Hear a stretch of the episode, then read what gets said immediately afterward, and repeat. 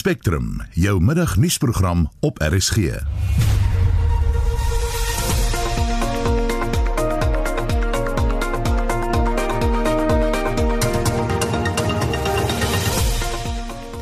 vandag se program die jongste oor die veldbrande in die Noord-Kaap, Vrystaat en Noordwes. Ligflitsse word vir eerste keer vanaf 'n gravitasiekolk waargeneem. Omdat hierdie gravitasiekolk nou so enorme eh, effek het op ruimtetyd, dit buig ruimtetyd geweldig, kan daai lig langs 'n vervormde geboopad om die gravitasiekolk beweeg en natuurlik ook in ons rigting. Die grootste toename in COVID-19 gevalle is steeds in die Wes-Kaap. Ons praat met die provinsiale hoof van gesondheid en 'n groot prys vir 'n appelbier van Ceres. It's a major award not only for us, it's for the country, it's a first for South Africa. It's a first for our town series and we're exceptionally proud of our town. Welkom by Spectrum, die span is Wessel Pretorius, Johan Pieterse en ek is Susan Paxton.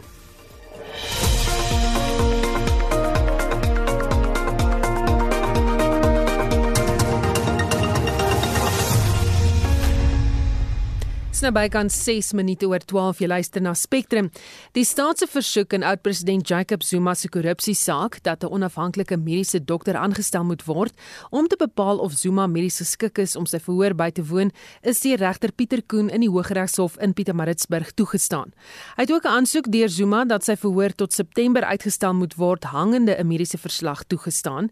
Die verrigtinge het virtueel plaasgevind en Estie de Klerk het dit vir ons dopgehou. Ons praat nou met haar. Estie, jy weet, hoe het hierdie eh, verrigtinge vandag verloop? Susan soos wat in die nuus berig is oor die afgelope paar dae is Zuma verlede week van die Eskort gevangenis waar hy so wat 'n maand gelede begin het om sy 15 maande lange tronkstraf weens minagting van die hof uit te dien na hospitaal vir observasie geskuif. Nou regter Koen het aan die begin van vandag se verrigtinge aangedui dat hy 'n aansoek ontvang het van Zuma wat om uitstel vra en die aansoek is vergesel van 'n brief deur een van Zuma se dokters. Geen in diepte besonderhede oor Zuma se mediese toestand word egter in die brief bespreek nie. Waarvoor het Zuma se regsverteenwoordiger, dis 'n advokaat Dalim Pomfu gevra? Mpofu het aan regter Koen gesê hy en die staat het ooreengekom dat die saak uitgestel moet word na 9 en 10 September en Mpofu het aangedui dit hang af wat die mediese verslag aandui of dit gunstig is en of dit nie gunstig is ten opsigte van Zuma se mediese toestand oor hoe um, hierdie uitstel nou sal verloop nie. Haar advokaat Wim Trengo wat namens die staat opgetree het, het aan regter Koen gesê hy verstaan dat daar moontlik 3 scenario's kan wees. The happiest outcome will be if the medical report says that Mr. Zuma is healthy and can attend the hearing, in which event we will have a hearing in court on the special plea. The other possibility is that the court says he's not fit to stand trial. The state accepts that opinion, in which event there will be a very brief further postponement on the on the day. That can probably be by virtual hearing. The third possibility is that the report says that Mr. Zuma is not fit to stand trial, but that the state contests that opinion in which event there will be a, a hearing of oral evidence. Frankly, we are inclined to suggest that that hearing should be in court and not virtual. Nou regter Koen het aan Polfu gevra wanneer Zuma se mediese span die verslag oor sy gesondheidstoestand gereed sal hê. I do not anticipate, my lord, that the medical report will take longer than a week or so to produce. But to be on the safe side, we could say about two weeks, because I had even said to him earlier, before your lordship indicated his non availability, I had said to him that we might have to come to court around the 30th of August, and he did not seem to, at that stage, think that there would be a problem. So I would assume that at the very latest, by the end of the month, the medical report should be available. Well, shall we say then that uh, the first accused shall provide a the medical report by the 2nd of September? Anyone? But no later than. I'm sure it will be earlier than that. Nou is die advokaat Trengo was nie geneem met die datum nie. Nee, Susan, die staat wil hê die mediese verslag moet reeds op 20 Augustus, nou dis die einde van volgende week ingedien wees. the end of next week will give them 10 days. And let me just explain the report is important for us not only to determine what should happen on the adjourned hearing, but for us to instruct our experts and to do our investigation to determine how to respond to the report. Advokaat Trengove het ook gesê die staat is in die duister oor Zuma se mediese toestand. The doctor's letter doesn't identify the medical condition of which he suffers at all and says quite perplexingly that it's been a condition that has required extensive emergency procedures which have been delayed for 18 months. So, this is a crisis which has dragged on for 18 months, and we find it very hard to understand how that suddenly uh, transforms into an inability to stand trial. So we we are desperately in need of uh, elucidation and amplification of the report because we can make nothing of the letter as it currently stands. Nou is dit dan dat die staat ook gevra dat regter Koen Las dat die staat 'n onafhanklike mediese praktisyn mag aanstel. Ja, en advokaat Trengove het gesê regter Koen beskik oor die statutêre mag om so bevel uit te reik. Nou die mediese dokter sal Zuma onafhanklik ondersoek om sy mediese toestand te bepaal en ook te bepaal of hy medies geskik is om sy verhoor te kan bywoon. Let me say that we ask for such a directive in the interest of justice. We believe that you have the power to make such a directive So we submit that that is uh, statutory authority for the examination we seek. Regter Koen het die Zuma het Zuma en die staat se aansoeke toegestaan. Die saak is uitgestel na 9 en 10 September. Die mediese verslag moet teen 20 Augustus ingedien wees en die staat mag 'n onafhanklike mediese dokter aanstel om Zuma te ondersoek en vas te stel of hy gesond genoeg is om sy verhoor by te woon. En dit was Essie de Klerk wat vir ons verslag gedoen het oor oud-president Jacob Zuma se korrupsiesaak verrigtinge. Eskom sê ses werknemers is geskort na ontploffing by die Medupi kragstasie in Limpopo. Die omvang van die skade is nog nie bekend nie en 'n ondersoek is geloods na die oorsaak. Die woordvoerder, Sikonati Manchansha, het tydens 'n onderhoud met Morning Live gesê, dit wil voorkom asof die ontploffing aan menslike foute toegeskryf kan word, maar Lenay Forsie het meer. Hy sê verder dis moontlik dat hierdie werknemers aan dissiplinêre prosesse onderwerp sal word, soos die ondersoek vorder en dat selfs meer mense betrek kan word. Human beings do make mistake a lot of the time. Machines by themselves don't. So it was a mistake on the part of the human beings as the, the preliminary investigations show. For us to even make the allegation that there was sabotage, we would need evidence, which at this point we do not have. We have to investigate why the people got the procedure wrong. Of course, there is a lot of damage financially and operationally, which of course gets in the end to the people of South Africa. Twee operateurs en vier bestuurders word aan die voorval gekoppel. At this point, we are not able to say how long it will take to repair the unit and return it to service. We are not sure what the extent of the damage that will be established in due course. Maar wat is die impak hiervan op die verbruiker? Medupi has got six generation units This is one of them that has now been damaged, which produces maximum 720 megawatts. We're not exactly always at 720, and it had been taken off for planned maintenance for the next 10 days. So immediately there will be no significant impact in terms of the ability to keep the lights on because it had always been planned to be out on service. Hoewel hy sê dat daar tydens die winter heelwat minder beurtkrag plaasgevind het as wat verwag is, moet landsburgers tog bewus wees van die beplande instandhoudingswerkseisoen soos die weer weer verbeter. Intussen is die koste van die skade steeds onduidelik en sal dit eers later bekend gemaak word wanneer ondersoeke afgehandel is. The place has now been sealed off to prevent unauthorized access and to tamper with any evidence. And the work starts immediately to investigate the cause and to establish what needs to be done to repair the generation unit.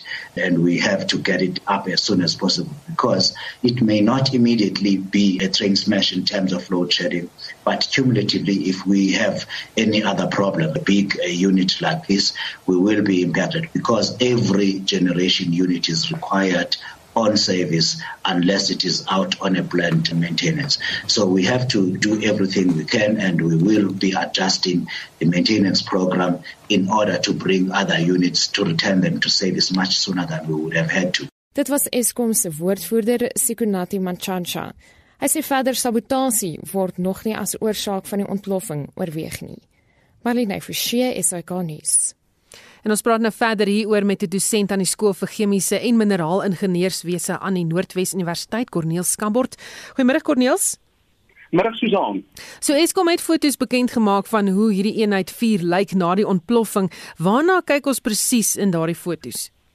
Wel, daai foto's, jy sien 'n uh, turbine wat moontlik skade gekry het. Jy sien definitief 'n generator of dan nou terwyl 'n uh, kragopwekker wat skade gekry het en as jy mooi iets kyk, kyk net op daar's nie meer 'n dak nie. Daai dak het heeltemal weggeblaas tydens tydens die ontploffing Sondag aand. En wat kon moontlik die ontploffing veroorsaak het? Ehm um, kom ons kyk net vinnig 'n oorsig van hierdie kragopwekkingseenheid, dan verstaan almal mooi waar waterstof in die prentjie inpas want baie mense wonder hoekom is daar waterstof by so 'n kragopwekkingseenheid? So die steenkool gebruik ons, ons maak stoom. Die stoom gaan na die stoomturbines wat aangedryf word. En in Suid-Afrika is ons elektrisiteit uitset 50 Hz, met ander woorde 50 revolusies per sekonde of terwyl 3000 revolusies per minuut. Is redelik vinnig. En dan die stoomturbine is gekoppel aan 'n generator.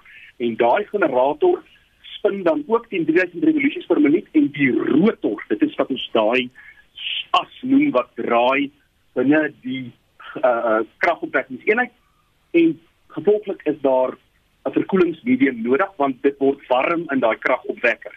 En om daai kragopwekker dan af te koel, word daar gebruik gemaak van waterstof. Nou mense mag wonder hoekom gebruik ons waterstof? Hoekom gebruik ons nie lug nie? Hoekom gebruik ons nie stikstof nie? Dit is die internasionale praktyk want waterstof is meer effektief in die eerste plek wanneer dit 'n beter hittekapasiteit tot 14 keer meer as stikstof en die ander rede is dit het 'n laer digtheid as lug en 'n laer digtheid as stikstof. Met ander woorde, jy kan 'n kleiner kragopwekker kan jy bou en dit spaar kapitaalkoste. So wat nou gebeur het by Medupi. Jy sit met hierdie kragopwekker wat met ander woorde waterstof binne 'n omhulsel het wat daar moet wees en is by 'n positiewe druk. Maar as ons nou wil werk aan hierdie kragopwekker, moet ons eers ontslaa raak van die waterstof en dit is waarvoor koolstofdioksied gebruik word. So die koolstofdioksied verdryf dan al die waterstof en dan na nadat jy al die waterstof van ontslaag geraak het, eers dan kan jy lug inbring om dan van die koolstofdioksied ontslae te raak, want aan die een kant wil jy nie die waterstof in kontak met suurstof bring nie, anders gaan 'n ontploffing wees en jy wil ook nie die mense met koolstofdioksied in aanraking bring nie, want dit is 'n versmoringsrisiko. So dis hoekom daai stappe gevolg word. Eers die koolstofdioksied en as al die waterstof uit is, dan sit ons die suurstof in. Wat by Medupi gebeur het, is dat lug is ingebring te vroeg terwyl daar steeds waterstof teenwoordig was. Heel waarskynlik, ek lei nou maar af van dit wat Eskom gesê het gebeur het. Dit het 'n plofbare mengsel gevorm en die gevolg daarvan was dat daardie kragopwekker is uitmekaar uitgeskiet. So dit is wat ek vermoed gebeur het, wat ek aflei uit die foto's uit en wat ek hoor as ek luister na wat Eskom sê Sondag aand gebeur het by Medupi. Nou daar voorheen so iets gebeur en uh jy weet ook tot 'n ontploffing gelei by ander stasie. Dink jy dat Eskom nalat om mense behoorlik op te lei? Wel as ons teruggaan in tyd Suzan op die 9de Februarie 2011, die wat 10 jaar terug kan onthou, Duva se eenheid 4 en is nou interessant want is Duva se eenheid 4 gewees, dis Medupi se eenheid 4 gewees, Chernobyl was ook eenheid 4 gewees. So lyk my mens moenie 'n eenheid 4 bou nie. Dit is soos ry 13 in 'n vliegtuig. Moenie 'n eenheid 4 bou nie. Want 10 jaar gelede by Duva naby Imalafeni wat daar gebeur het was hulle was besig met 'n toets op die turbine en toe was daar die turbine heeltemal te vinnig roteer en Eskom self het bevind dat die rede vir daardie ongeluk was 'n uh, personeel wat nie die in Engels noem die standard operating procedure. Hulle het nie die prosedure gevolg wat moes gevolg het nie. En wat vir my hartseer is, is dat al is die insident nie soortgelyk nie, is die rede wat Eskom tans aanvoer en dit word ondersoek is weer eens personeel wat nie die instruksies gevolg het nie. En dit maak nie vir my sin nie. Hoe kan Eskom mense laat werk op toerusting wat miljoene kos? 'n turbine of 'n kragopwekking, dis nie 'n ding wat jy by 'n plaaslike supermark koop nie. Dit is duur items. En as ek vat by Duban, hierdie is nie goeie nuus vir die luisteraars nie. Gaan kyk 9 Februarie 2011 het daai turbine ook maar dit was 'n turbine gewees wat gekoppel is aan die kragopwekker. Daardie insident het beteken dat Suid-Afrika 600 megawatt verloor het en dit was uit diens uitgewees vir 23 maande. Dit het 2 jaar gevat om dit te herstel. Ek sou graag wil sien hoe lank gaan Eskom vat om hierdie generator te herstel van hulle. Ek wou nou vir jou vra, hoe lank gaan dit neem om die skade te herstel en gaan dit 'n impak hê op kragvoorsiening? Wel, as dit kom, kom ons gee Eskom die voordeel van die twyfel. Ek is vandag in 'n goeie by.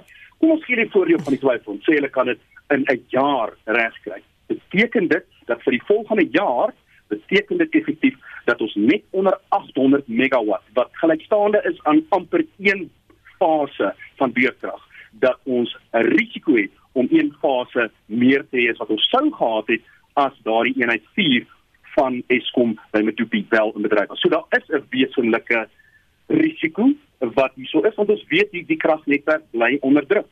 So dit beteken Eskom gaan met bewus wees van hulle sal moet hulle instandhouding elders opskerp en hulle gaan hierdie vervanging van wat ook al beskadig is, ons sal later leer wat dit is, dit moet so gou as moontlik herstel word sodat ons weer daai kapasiteit kan terugkry. Dan is ook pas 'n verdoemende klimaatsverslag bekend gemaak. Dink jy Eskom is gereed om sy gewig agter die pogings te gooi om ons koolstofvoetspoor te verklein? Wel, ek ek hoor wat sê ander die ruiter en hulle wil daar self inbeweeg. Dit is my positief. Ek glo wel dat hierdie insident iets is wat definitief op die radar moet verskyn van die departement van minerale en energie sake en dalk moontlik ek weet daar's 'n plan ek weet dit word uitgerol met tyd. Ek weet die die vyfde venster maak nou oor 'n week of so maak dit toe vir rond te 5 maar dalk moet dit bietjie versnel word met die oog op hierdie gebeure dat ons dalk 'n ekstra gigawatt son of 'n ekstra gigawatt wind vroeër inbring dat ons aan die een kant ons ons kragprobleem kan oplos maar aan die ander kant ook en dit is die groot groot ding dat ons besoedeling kan laat afneem dat ons dalk gouer van hierdie steenkoolstasies uit bedryfheid kan stel en dit kan vervang met hernubare bronne. Almal van ons kan dalk nie saamstem oor wat is die oorsaak van klimaatsverandering nie.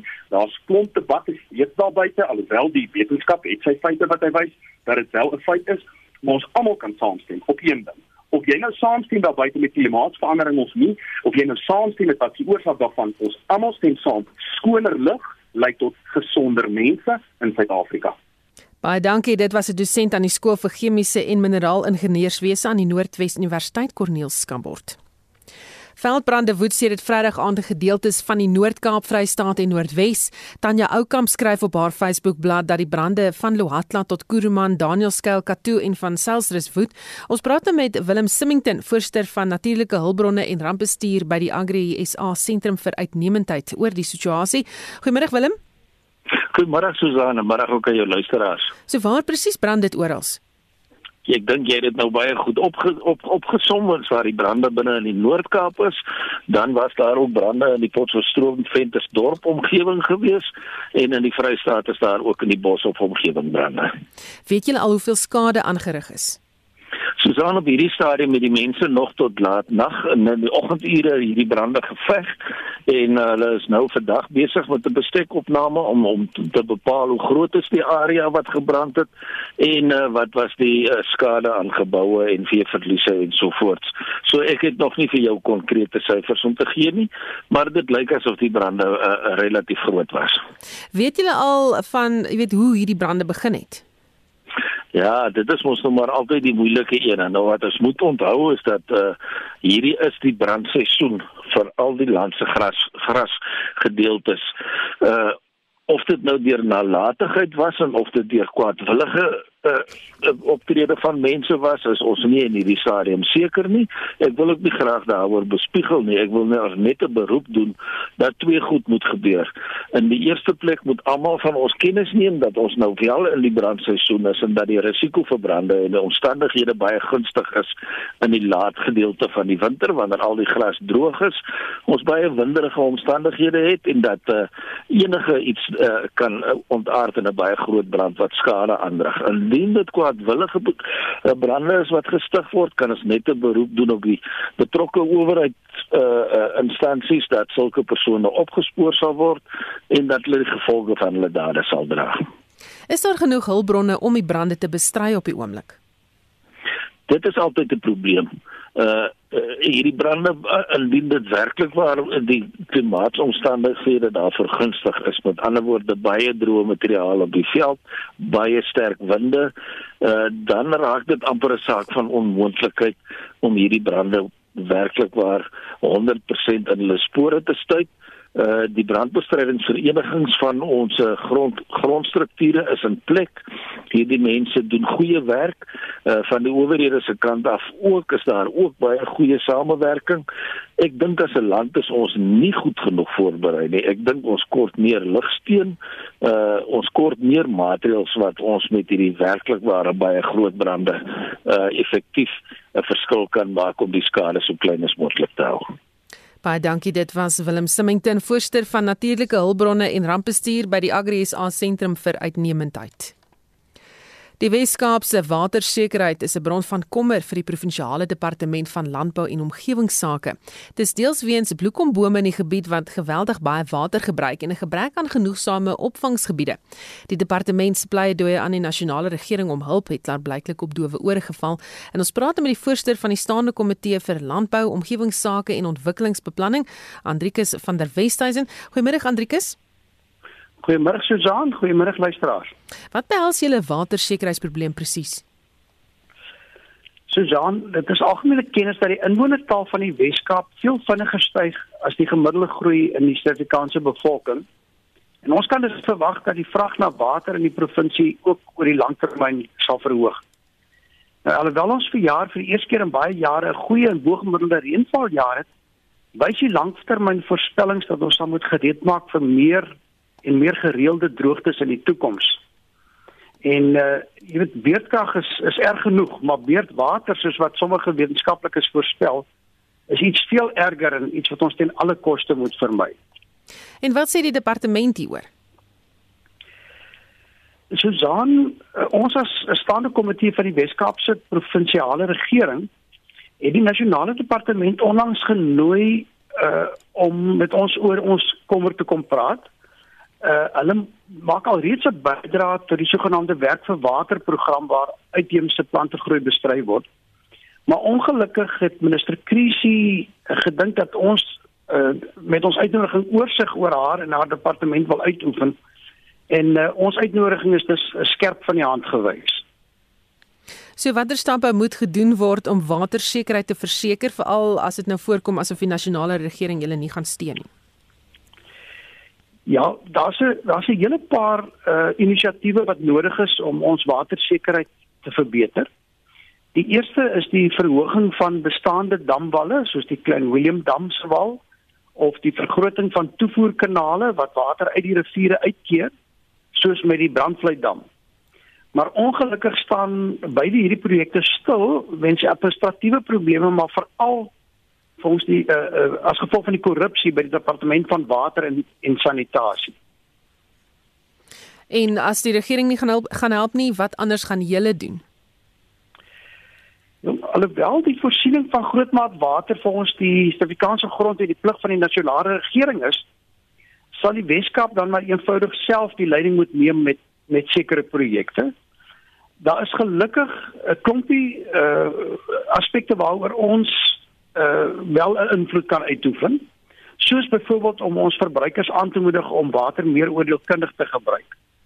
En ek kan regtig met groot dankbaarheid sê in daardie opsig het die inwoners veral van stad Kaapstad die laaste paar jaar pragtig saamgewerk. Ons huidige goeie damvlakke het nou weliswaar te doen met die feit dat ons vir jaar vir eerste keer in baie jare 'n bo-gemiddelde reënvaljaar het. Maar as jy mens kyk na die uh verbruik van water, het dit oor die afgelope 4-5 jaar dramaties verminder soos wat inwoners water meer ekonomies ge, uh, gebruik. So as ons dan nou sonder die nasionale regering moet voortgaan, sal ons doen wat wat ons in die Wes-Kaap kan.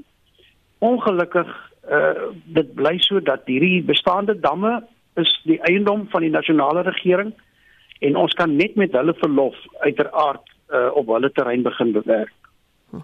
Baie dankie. Dit was Andrikus van der Westhuizen, die voorsteur van die Wes-Kaapse Staande Komitee vir Landbou, Omgewingsake en Ontwikkelingsbeplanning.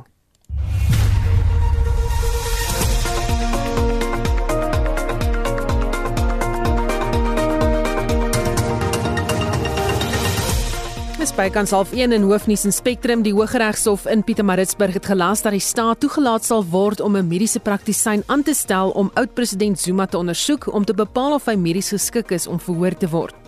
Ligflitsse word vir eerste keer vanaf 'n gravitasiekolk waargeneem. Omdat hierdie gravitasiekolk nou so enorme eh, effek het op ruimtetyd, dit buig ruimtetyd geweldig, kan daai lig langs 'n vervormde geboopad om die gravitasiekolk beweeg en natuurlik ook in ons rigting. En 'n groot prys vir 'n appelbier van Ceres. It's a major award not only for us, it's for the country, it's a first for South Africa. It's a first for our town series and we exceptionally proud of our town. Bly ingeskakel.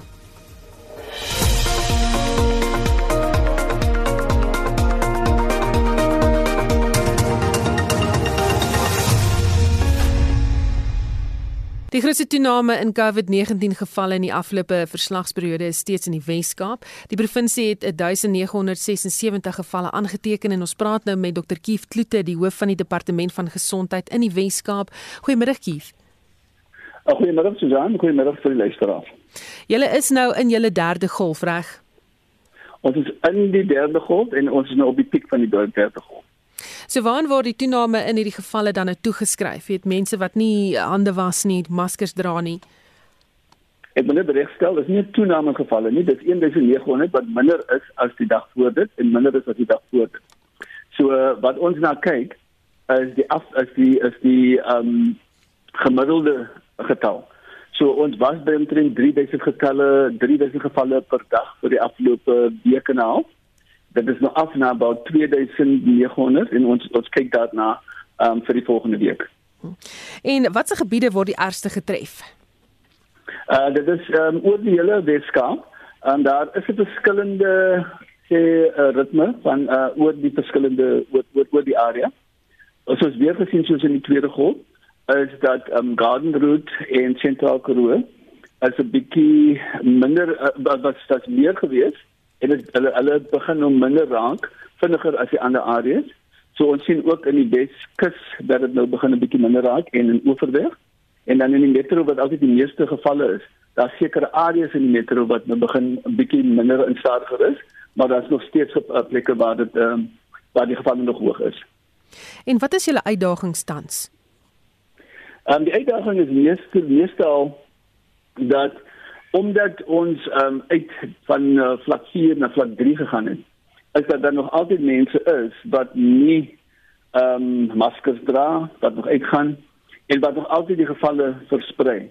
Ehm um, ons moet eintlik as jy nou kyk na wat ons gebeur het in die tweede golf, moes ons al reeds oor die afgelope week 'n bietjie minder gevalle gesien het. Maar ons sien nou sê die die die aanhoudende ehm um, uh, hoeveelheid gevalle per dag as gevolg van die feit uh, gefeit van dat mense nie maskers dra en sosiaal um, sosiaal distansie van mekaar nie. En hospitale kan hulle nog die druk hanteer. Wel, die hospitale het die druk hanteer vir die afgelope 2 naweke. Dit was die eerste wat die druk sou gewees het. Ehm um, en as dit was as gevolg van die feit dat daar ook meer trauma was in die hospitale laas naweek en hierdie pas naweek. Maar hierdie naweek is dit omtrent 10% gevalle minder as die vorige naweek. Uh, die COVID gevalle was min of meer maar dieselfde en in sekere hospitale raak dit minder admissions vir COVID. So die hospitale het gekoop. Dit was die eerste en van hier af ehm um, daar was geen ehm um, die I mean daar, daar was altyd ook oxygen, daar was altyd beddens.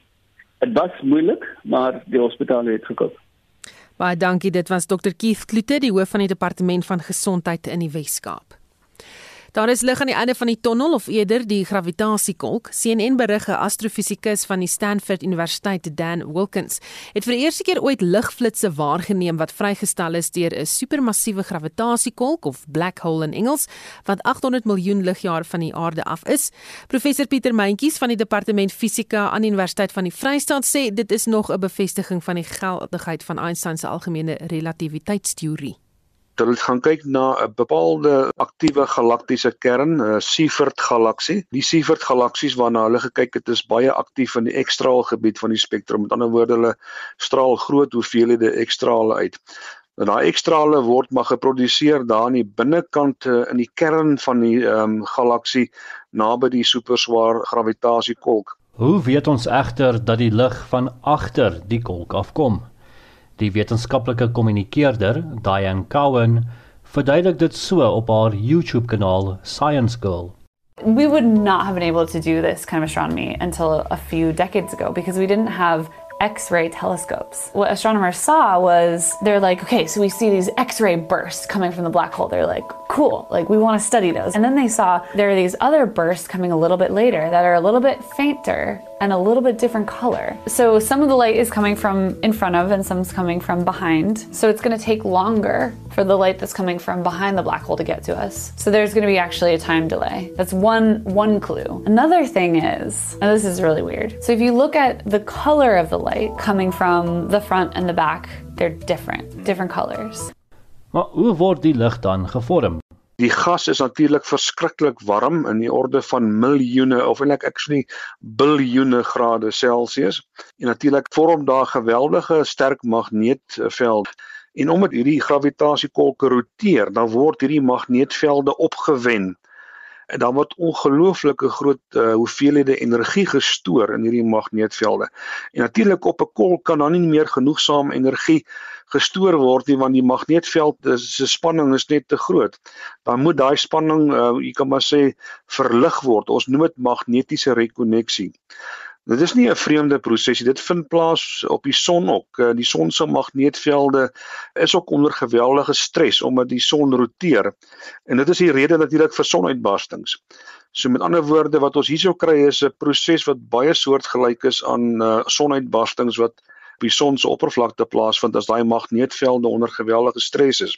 En omdat hierdie gravitasiekok nou so enorme uh, effek het op ruimte-tyd, dit buig ruimte-tyd geweldig kan daai lig langs 'n vervormde geboopad om die gravitasie-kolk beweeg en natuurlik ook in ons rigting sodat ons daai ekstrale ook wat van die agterkant af van die gravitasie-kolk wat daar geproduseer is dat ons dit ook kan sien. Hoe bewys die waarneming van die lig dan Einstein se algemene relativiteitsteorie? Hy het gesê dat massa, veral groot massa soos die son en natuurlik in hierdie geval gravitasiekolke wat uh, miljoene keer swaarder as die son is. Die effek wat hulle het op ruimtetyd is dat hulle dit so vervorm dat lig langs 'n baie erg geboë pad kan beweeg in hierdie geval om 'n so super swaar gravitasiekolk sodat ons die lig wat in die agterkant van daai kolk geproduseer word kan sien. Dit is regtig fascinerend. Die lig word ook om die gravitasiekolk gebuig as gevolg van die rotasiekragte van die kolk. Die effek wat dit het is dat dit ruimtetyd letterlik saam sleep saam met sy rotasie. Met ander woorde dit vorm amper 'n tipe van 'n ruimtetyd tornado om die gravitasiekolk. Met ander woorde dis 'n addisionele verdere ding wat veroorsaak dat daai lig dan nou natuurlik uh, om die gravitasiekolk gegooi kan word as gevolg van die spin die rotasie van daai gravitasiekolk. Dit is 'n baie belangrike uh, verskynsel en dit was gepos dit was eintlik voorspel hierso in die 1960s toe 'n Nieu-Seelandse wiskundige Roy Kerr het uh, oplossings gesoek vir Einstein se ehm uh, teorie van gra vir gravitasie vir uh, rondom 'n gravitasiekolk wat roteer en hy het uh, lieflike wiskundige uh, kom ons sê voorspellings gemaak van wat se effekte mens alles sal kan waarneem rondom so 'n roterende gravitasiekolk en hierdie is absoluut 'n bevestiging van wat Rooiker voorspel het. Die wetenskap is baie ingewikkeld. So wat beteken dit vir Jan Alleman? Vir ons beteken dit natuurlik dat ons die natuur uh, al hoe beter verstaan. Hoe meer ons uh, met ons teleskope kan inkyk hierso in die harte van hierdie eksotiese voorwerpe soos gravitasiekolke en roterende neutronsterre en daai fisika uh, baie goed uh, kan verstaan, kan ons dit waarskynlik uh, in die toekoms, waarskynlik nie nabye toekoms nie, maar kom ons sê so 50 tot 100 jaar, kan ons van daai prosesse gaan begin aanwend om natuurlik ons energieprobleme hierso op aarde aan te spreek. Met ander woorde, as jy van baie swaar roterende voorwerp het met 'n geweldige sterk magneetveld en jy laat hom vinnig roteer, kan jy baie baie sterk elektriese velde genereer wat groot strome kan aandryf. En met ander woorde, dit is dalk oor 100 jaar of so 'n algemene oplossing vir ons energiekrisis. Professor Pieter Mentjies van die Departement Fisika aan die Universiteit van die Vrystaat. Ek is Justin Kennerly vir SI Garnis.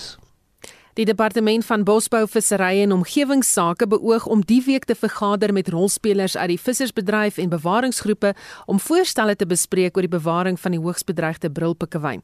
Die spesies se voortbestaan word veral bedreig omdat die visbronne waarvan hulle afhanklik is vir oorlewing byna uitgeput is. Die departement se woordvoerder, Zolile Nkai, het aan Marlenae Forsie gesê die doel hiermee is om bewaring en volhoubare ekonomiese aktiwiteite saam te snoer. Hy sê 'n spesifieke datum moet nog vasgestel word om alle rolspelers te akkommodeer sodat 'n goue middeweg gevind kan word. Previously, there have been closures of some of the islands, especially around marine protected areas. Obviously, the closures were supported by the industry and the conservation uh, organizations. But we now we're at a point where the, the, numbers have not improved over the years, and now we need to look at other measures to bring this trend to, to a stop. But at the same time, obviously, we need to consider the economic implications for the small pelagic fisheries sector, which is quite important to the economy. So obviously, all those considerations taking place have to be considered. Voorstelle is reeds gemaak om die brolpikkewynbevolking te bewaar. One of the proposals was to close a number of islands where the colonies, I mean, 88% of the breeding pairs of African penguins are founded through an island, Stony Point, Ayas, and Koa and Bird Islands. And so that's one of the suggestions. But obviously, the department cannot take this on its own. This needs to be discussed with the fishing industry, which also fish in this or around these areas. Hy meen pogings om die kwynende bevolkingsgroepe teen uitwissing te red kan nie net deur die regering alleen uitgevoer word nie. Maar wat is die regering se bewaringspogings tot nou toe? In 2013 we promulgated the biodiversity management plan for the African penguin to stop the declining numbers And one of these things was to try and find new colonies for them and also protect them from predation from seals, those kind of predators. And that, those are some of the things that have been happening since 2013 already. But obviously, the numbers have not improved a lot since then. One of the problems that was identified, obviously, is that they're, taking the numbers down. It's a lack of available food. But I mean, when I said one of those issues also is predation and disturbances of the habitat. So those are some of the things that we've been trying to do, protecting the habitats and improving them and building artificial colonies for them and try and encourage them to move there. But I mean, obviously, that's a long process. At the same time, the numbers are still going down. Dit was die departement van Bosbou, Visserry en Omgewingsake se kommunikasiebestuurder Zolile Ngai. Marlene Forsie is hy konnies. Intussen verwelkom 'n kliniese veearts by die Stichting vir die Bewaring van Kusvoëls, oftewel SANKOP, Dr David Roberts, die poging van die regering. It's really amazing progress recently um, looking at the effects of fishing and how that's affecting the cyconic species as well as protecting the environment for the rest of the ecosystem as well. And so continuing those talks, which are really happening at the moment, and considering both the ecosystem as a whole, not just the penguins, and finding solutions that allow protection of all these species as, as well as um, livelihoods of people. Sankab en BirdLife South Africa probeer nou reeds 'n geruime tyd lank om 'n nuwe kolonie pikkewyne in die De Hoop Reservaat in die Oeverberg distrik te vestig. Our assistance is involved with collaborating on the best ways to promote a new colony there, but also providing the young penguins, the fledglings, that get released at the colony to try and encourage them to come back to that site. So those young birds rescued from the wild and then raised at Sandcob, either from eggs or uh, from small chicks, and then we transport them to De Hoop and we release them on the site where we hope that a new colony will soon establish itself. Die gebied word gemonitor om te bepaal of pikkewyne hulle tog hier kom vestig. Daar is selfs standbeelde van pikkewyne op strategiese punte geplaas omdat pikkewyne in die see hulle veregte diere aansien en meer geneig is om dan aan wal te kom. Geen broeipare het hulle egter hier kom vestig nie, maar daar was 'n geval of twee van pikkewyne wat hier kom vere wissel het. Dit volgens Roberts is 'n belowende verskynsel. Penguins have a very interesting process where once a year they come onto land and they lose their old feathers that they had that year and they grow new ones and they have to stay on land when they're doing that. Naturally, when the fledglings leave the colonies where they were born in a natural ecosystem, they go to sea. They usually travel up the west coast and they can stay at sea for up to a year, sometimes more than a year.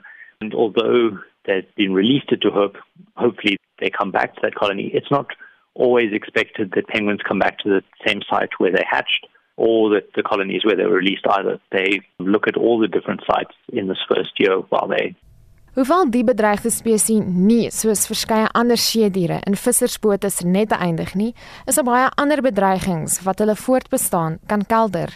There is definitely what we call a collapse of the ecosystem going on, everything from pollution, climate change, disturbance and of course overfishing. The fishing pressure on our ecosystem is very very high and it's not being done in a way that's sustainable in the long term. Therefore, the numbers of fish are decreasing, and that really plays a big role in affecting the success of a lot of the predators that rely on these fish, and penguins are just one of those. Dit was 'n kliniese veearts by die Stichting vir die Bewaring van Kusvoëls, oftewel SANKAP, Dr. David Roberts. Marlene Forsie is hy konnies. 'n Appelbier van Ceres in die Wes-Kaap was vanjaar die wenner van die internasionale appelbierkompetisie. Die Alexandra Blush wat gemaak is op die Method Traditional Cider of MTC proses, soortgelyk aan MCC Champagne, was eintlik 'n trougeskenk vir Larry Whitfield se dogter Alexandra. Whitfield is die eienaar van Lockstonia Cider Brouwerye in Ceres en vertel dat hulle die spesiale geskenk vir 15 maande moes wegsteek weens die pandemie. My daughter was supposed to get married in April 2020. As we know, just before the Easter weekend, we had a lockdown. She was going to get married in uh, this year, 2021, in Easter. So the week before, I said to her, I've got a, a surprise for you. so we kept the secret for close on for two years inside the cellar. And I tell you, she's a very nosy and very curious girl. And it's amazing how everyone pulled together and headed away in the cellar. It's quite difficult hiding 4,000 bottles away. That, that happened, and she was ecstatic. And she said, Dad, we got to get the other, we're sending the other ciders to um, the International Cider Challenge in London. Can she add it? And I said, absolutely. And yeah, the rest is history. Prizes have been won. We won it. And we're absolutely ecstatic about it. We still trying to get our heads around it. Whitfield sê die idee was nooit om 'n alkoholose appelbier te brou nie, maar die pandemie het hom geforseer om buite die boks te dink. Well, I tell you this lockdown has taught us to be very humble. That's the first thing, to realize you're lucky for what you've got and we need to be positive and to work off that base. And we were just very lucky and humble that our core business is in the apple, pear and plum industry. We pick, we pack, and we export our fruit to the rest of the world. And that wasn't disturbed much last year, last season. So we carried on, and the cidery was secondary, but it did have effect on us where we obviously couldn't sell. And we had a look at our personnel, and we didn't have a problem with our personnel because we, we actually came up with a easy apple.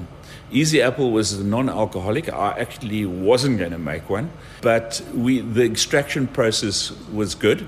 We just extract the, the alcohol and uh, left us with uh, we actually used the crispy apple and ex extracted the alcohol and we had a we called it Easy Apple. Whitfield vertel verder dat die reeks appelbier wat vervaardig word op die appelplaas deel is van 'n proses om die omgewing te bewaar. All the apples come off the farm. Uh, we orchard to bottle.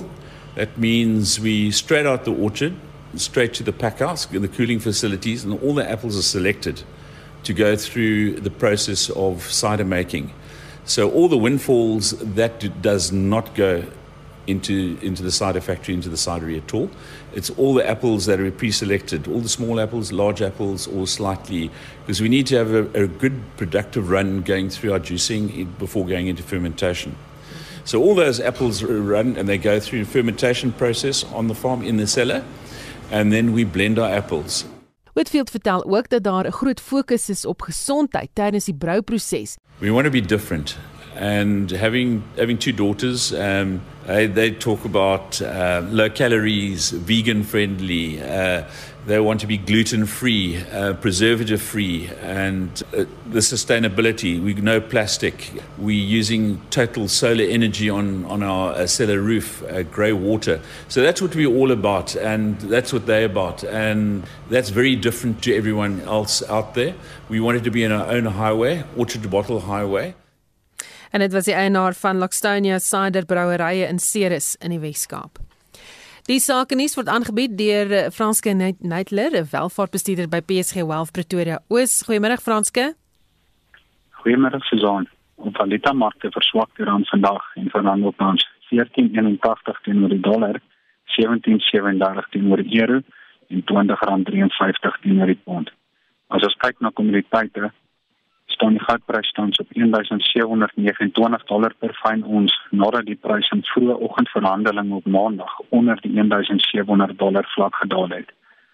Die platinumprys staan op 975 dollar per ons en olieprys staan op 69.7 dollar per vat. Op die internasionale front het in Asië hoër gesluit vanoggend en aandele van Tencent sluit 5.3% hoër in Hong Kong. In Europa is markte gemeng en die FTSE 100 daal met 0.13%. Vir ons is CAC 40 styg met 0.1% en die Duitse DAX verhandel 0.15% hoër. Op die plaaslike front verhandel die JSE algehele indeks hoër op 69135 punte. En as swaargewig maatskappye verhandel aandele van Naspers en Prosus beide met meer as 8% hoër.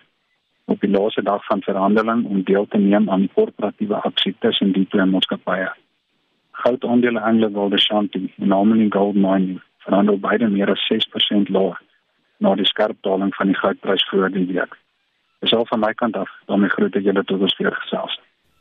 Baie dankie, dit was Franske Neitler, 'n welvaartbestuurder by PSG Wealth Pretoria Oos. Justin Kennedy het vir ons 'n oorsig van die dag se hoofnuus. Justin Ja, die korrupsiesaak van oud-president Jacob Zuma is tot 9 en 10 September uitgestel. Die saak sou vandag begin het, maar Zuma is in die hospitaal. Nou regter Piet Koen het tydens 'n virtuele sitting van die KwaZulu-Natal Hooggeregshof die bevel uitgereik. The matter is postponed to the 9th and 10th of September 2021. Two, the medical report in respect of Mr. Zuma is to be rendered by no later than the 20th of August 2021. And three, it is directed that the state may appoint a medical practitioner of its choice to examine Mr. Zuma to assess his ability to stand trial and for that witness or that doctor then to be a witness if necessary. Nou ses werknemers van Eskom is geskort na 'n ontploffing by die Medupi kragstasie in Limpopo. 'n Dosent aan die skool vir chemiese en mineraalingenieurswese aan die Noordwes Universiteit, Corneels Skabort, sê dit kan nog lank wees voor herstelwerk voltooi word en beerdkrag veroorsaak. Kom ons gee die voordeel van die twyfel. Sê hulle kan dit in 'n jaar regkry. Beteken dit dat vir die volgende jaar dat ons net onder 800 megawatt wat gelykstaande is aan amper een fase van beurtkrag dat ons 'n risiko het om een fase meer te hê as wat ons sou gehad het. En veldbrande woed reeds sedert Vrydag aand in gedeeltes van die Noord-Kaap, Vrystaat en Noordwes. Agri SA se Willem Symington het die jongste hieroor. Hulle is nou vandag besig met 'n bestekopname om om te bepaal hoe groot is die area wat gebrand het en uh, wat was die uh, skade aan geboue en veeverliese en so voort. Die brandbestrydingsverenigings van ons grondstrukture is in plek. Hierdie mense doen goeie werk uh, van die owerhede se kant af. Ook is daar ook baie goeie samewerking. En so van brande gepraat, Suid-Afrika stuur 109 brandbestryders na die Kanadese provinsie Manitoba om uh, verwoestende brande wat daar woed te help blus. Dit is die vierde keer wat ons brandbestryders na die land toe gaan om hulle daar te help. En die Springbokspan wat Saterdag kragte meet teen Argentina word oor 'n halfuur bekend gemaak. Baie dankie dit is ons verslaggewer Justin Kennerly. Die Spectrum span groet vanmiddag op noot van Brian Adams se Summer of 69 en vandag 36 jaar gelede het die Kanadese Brian Adams die eerste keer 'n nommer 1 album op die Billboard 200 tabel behaal met sy album Reckless. Op die album is allerbekende liedjies soos Run to You, Heaven en die een waarna ons gaan luister Summer of 69. My naam is Susan Paxton. Geniet jou middag in die geselskap van die 360 span.